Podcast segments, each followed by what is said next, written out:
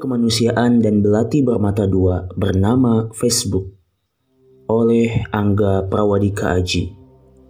Saya masih ingat betul saat gunung berapi meletus di tahun 2010. Tidak setiap hari Anda bangun dan menyadari bahwa langit masih gelap walaupun jarum jam di tembok sudah menunjukkan pukul 7 pagi. Kamar kos saya terasa sesak oleh partikel abu yang masuk dari celah ventilasi. Dunia di luar seputih tulang. Samar-samar saya masih mendengar suara dentum letusan dari kejauhan. Butuh beberapa saat bagi saya untuk benar-benar mencerna apa yang sebenarnya sedang terjadi pada hari Jumat itu. Ada perasaan tak percaya yang ganjil, surreal. Hal yang sama mungkin juga dialami oleh semua orang yang mengalami dahsyatnya bencana alam. Dunia dan kehidupan yang kita tahu selama ini tiba-tiba hilang hanya dalam hitungan menit. Hal yang pernah saya rasakan juga dirasakan oleh saudara-saudara kita di Lombok maupun Palu saat ini. Dalam kekalutan itu, informasi akurat menjadi komoditas yang sangat berharga. Apa yang harus dilakukan, di mana lokasi yang berstatus berbahaya, konsentrasi pengungsi. Semua informasi tersebut menjadi sangat bernilai bagi kami warga Jogja yang saat itu tidak dapat keluar rumah. Abu turun begitu deras, hingga di beberapa tempat tumpukan abu bisa membuat atap jebol. Saya ingat, saat itu Facebook dan Twitter adalah sumber informasi yang luar biasa penting. Akun Facebook bernama Jogjaku dan akun Info Cegatan Jogja ICJ menjadi sebuah penyedia sekaligus gatekeeper informasi mengenai kondisi terkini Merapi. Berbeda dengan tayangan televisi yang hanya mengeksploitasi bencana dengan menampilkan potongan gambar-gambar korban yang terbakar serta isak tangis pengungsi dibarengi lantunan musik dramatis. Media sosial menampung berbagai info real dari lokasi bencana. Media sosial saat itu seakan bertindak secara sinergis untuk membantu semua korban erupsi Merapi yang jumlahnya terus bertambah. Saat saya dan beberapa teman yang memilih tidak mengungsi bergerak untuk mengumpulkan bantuan, saya melihat sendiri bagaimana hampir seluruh supermarket di Jogja dipenuhi oleh warga yang membeli barang-barang bantuan. Informasi mengenai lokasi pengungsi saling disampaikan di antara tumpukan barang dan denting Google Map. Merupakan sebuah kehormatan untuk berada di sana. Menjadi saksi di mana teknologi benar-benar menyatukan semua orang dalam sebuah upaya membantu sesama. Pengalaman itu membuat saya yakin bahwa media sosial memiliki fungsi yang luar biasa bagi kerja kemanusiaan. Setidaknya, sampai saya membaca berita mengenai hoax dan misinformasi mengenai situasi bencana disebarkan dengan sangat aktif di media sosial beberapa tahun belakangan. Atau mungkin tentang diskusi panas di media mengenai bencana alam yang berfokus pada konteks politik dan kuasi religius namun miskin bantuan dan partisipasi nyata. Ke mana imaji ideal tentang media sosial dan kerja kemanusiaan yang saya lihat 8 tahun lalu itu.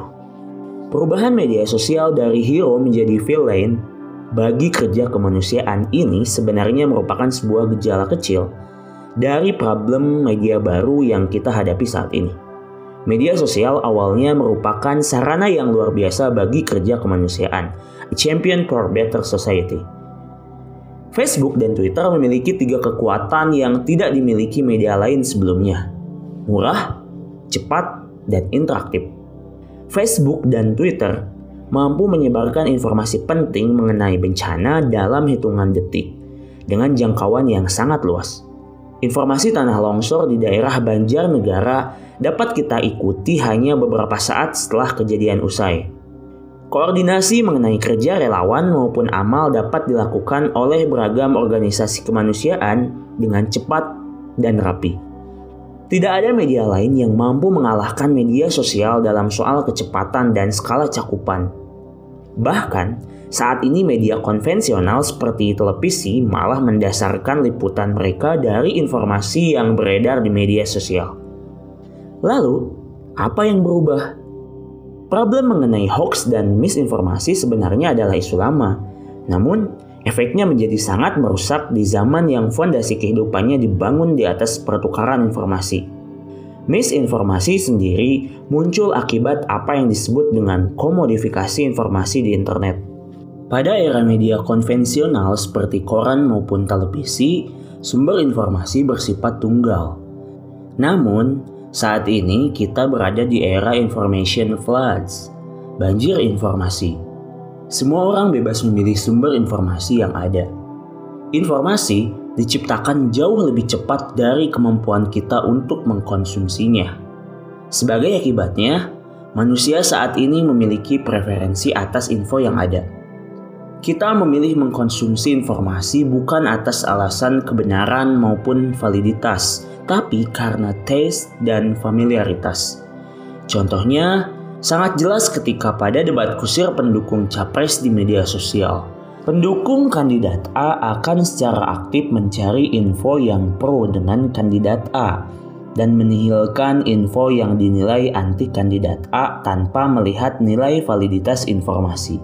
Karena dikonsumsi atas dasar preferensi, informasi kemudian menjadi memiliki nilai material informasi menjadi komoditas. Tidak peduli benar atau tidak, info apa pun soal kandidat A pasti berharga untuk dijual karena pasarnya jelas. Hoax dan berita palsu akhirnya menjadi sangat populer dan tersebar luas. Fenomena hoax ini akan semakin menjadi-jadi pada isu-isu politik yang sifatnya polar. Seperti misalnya kasus Ahok Jarot versus Anies Sandi dan tentu saja Jokowi versus Prabowo. Dan ironisnya, bencana alam adalah isu yang sangat mudah untuk dipolitisir dan digoreng dalam bentuk hoax dan berita palsu. Selain masalah misinformasi, kita kini harus menghadapi kenyataan bahwa media sosial disinyalir telah mengikis kesadaran masyarakat mengenai isu-isu kemanusiaan. Sebuah artikel dari majalah kenamaan The Atlantic yang ditulis oleh Jamil Zaki berjudul Indonesia's Tsunami and the Problem of Human Empathy mengangkat sebuah isu yang cukup menggigit. Kita menjadi semakin kebas dengan berita tentang tragedi dan bencana. Berita mengenai gempa di Palu atau letusan Gunung Sinabung dengan sekian ribu korban jiwa sejatinya terasa ringan kita baca. Kita terima seperti lauk pauk keseharian. Biasa saja, Zaki menyebutnya sebagai compassion collapse, keruntuhan kepedulian.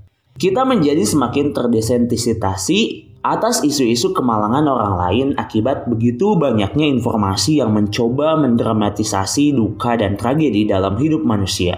Hati kita menjadi mati rasa. Angka korban yang begitu banyak bagi kita saat ini tidak lebih dari data statistik. Dan setelah kita menyelesaikan obligasi untuk menyampaikan simpati dan doa lewat kotak status media sosial, 5 menit kemudian kita lupa dan kembali menjalani hari apa adanya. Mengikisnya kepedulian ini mungkin merupakan problem masyarakat modern yang paling mengancam kerja kemanusiaan. Media sosial tidak dilihat sebagai sebuah platform yang dapat digunakan untuk mengorganisir bantuan dan mendorong sebuah kegiatan yang real namun tak lebih dari podium untuk menunjukkan gambaran moral pribadi. Fenomena ini dikenal dengan nama selectivism atau aktivisme asal-asalan. Mengganti profil picture di akun Facebook, menulis status doa serta harapan atau melakukan aktivitas yang tidak relevan seperti dalam kasus Ice Bucket Challenge adalah contoh dari selectivism. Sebuah gerakan kemanusiaan baru yang menolak beranjak dari kenyamanan kursi dan layar memilih untuk baca, nampak peduli dengan cara yang mudah dan malas. Walaupun pada tahap tertentu selektivism mampu memberikan efek bagi isu yang diangkat, seperti kemampuannya untuk menyebarkan isu tertentu serta memberikan kesempatan bagi individu untuk memberikan sumbangsih mereka sendiri. Namun fokus kerja kemanusiaan seharusnya ditekankan pada upaya penyelamatan dan rekonstruksi yang nyata. Media sosial semestinya mampu menggerakkan masyarakat lebih dari sekadar saling berkirim pesan simpati untuk turun dan melakukan aksi nyata dan real. Belum terlambat jika kita mau kembali memanfaatkan media sosial untuk mendukung kerja kemanusiaan. Media sosial sebelumnya telah menunjukkan bahwa kerja kemanusiaan bukanlah hanya tanggung jawab para relawan atau organisasi sosial, tapi semua lapisan masyarakat. Pengalaman saya saat erupsi Merapi 2010 menjadi harapan bahwa media ini memiliki potensi besar untuk mendefinisikan makna kemanusiaan di saat krisis. Caranya dapat lewat dua jalan. Pertama, dengan aktif memastikan bahwa arus informasi yang muncul saat bencana terjadi selalu valid dan dapat dipercaya. Kedua, dengan memaksimalkan fungsi media sosial secara lebih mendalam untuk menghadirkan informasi penting pada saat terjadi krisis, informasi yang cepat dan akurat dapat menentukan hidup atau mati. Media sosial sebenarnya merupakan platform yang dapat menyediakan informasi dalam waktu cepat bagi semua pihak yang berusaha mengatasi bencana. Sebagai contoh, sebuah program yang diinisiasi Facebook di Haiti mencoba untuk mengumpulkan sejumlah relawan digital pada saat bencana. Relawan ini akan memindai status dan percakapan korban di Facebook dan media lain, yang kemudian akan dikompilasi dan dianalisis untuk menentukan wilayah mana yang paling membutuhkan bantuan atau menjadi pusat konsentrasi korban selamat. Pada akhirnya, media sosial hanyalah sebuah sarana, sama seperti sebilah pisau yang menentukan apakah pisau ini akan digunakan untuk kebaikan bersama atau sebaliknya adalah penggunanya. Arus informasi serta sikap kita di media sosial lah yang menentukan apakah media ini mampu menjadi penyelamat di saat krisis bencana.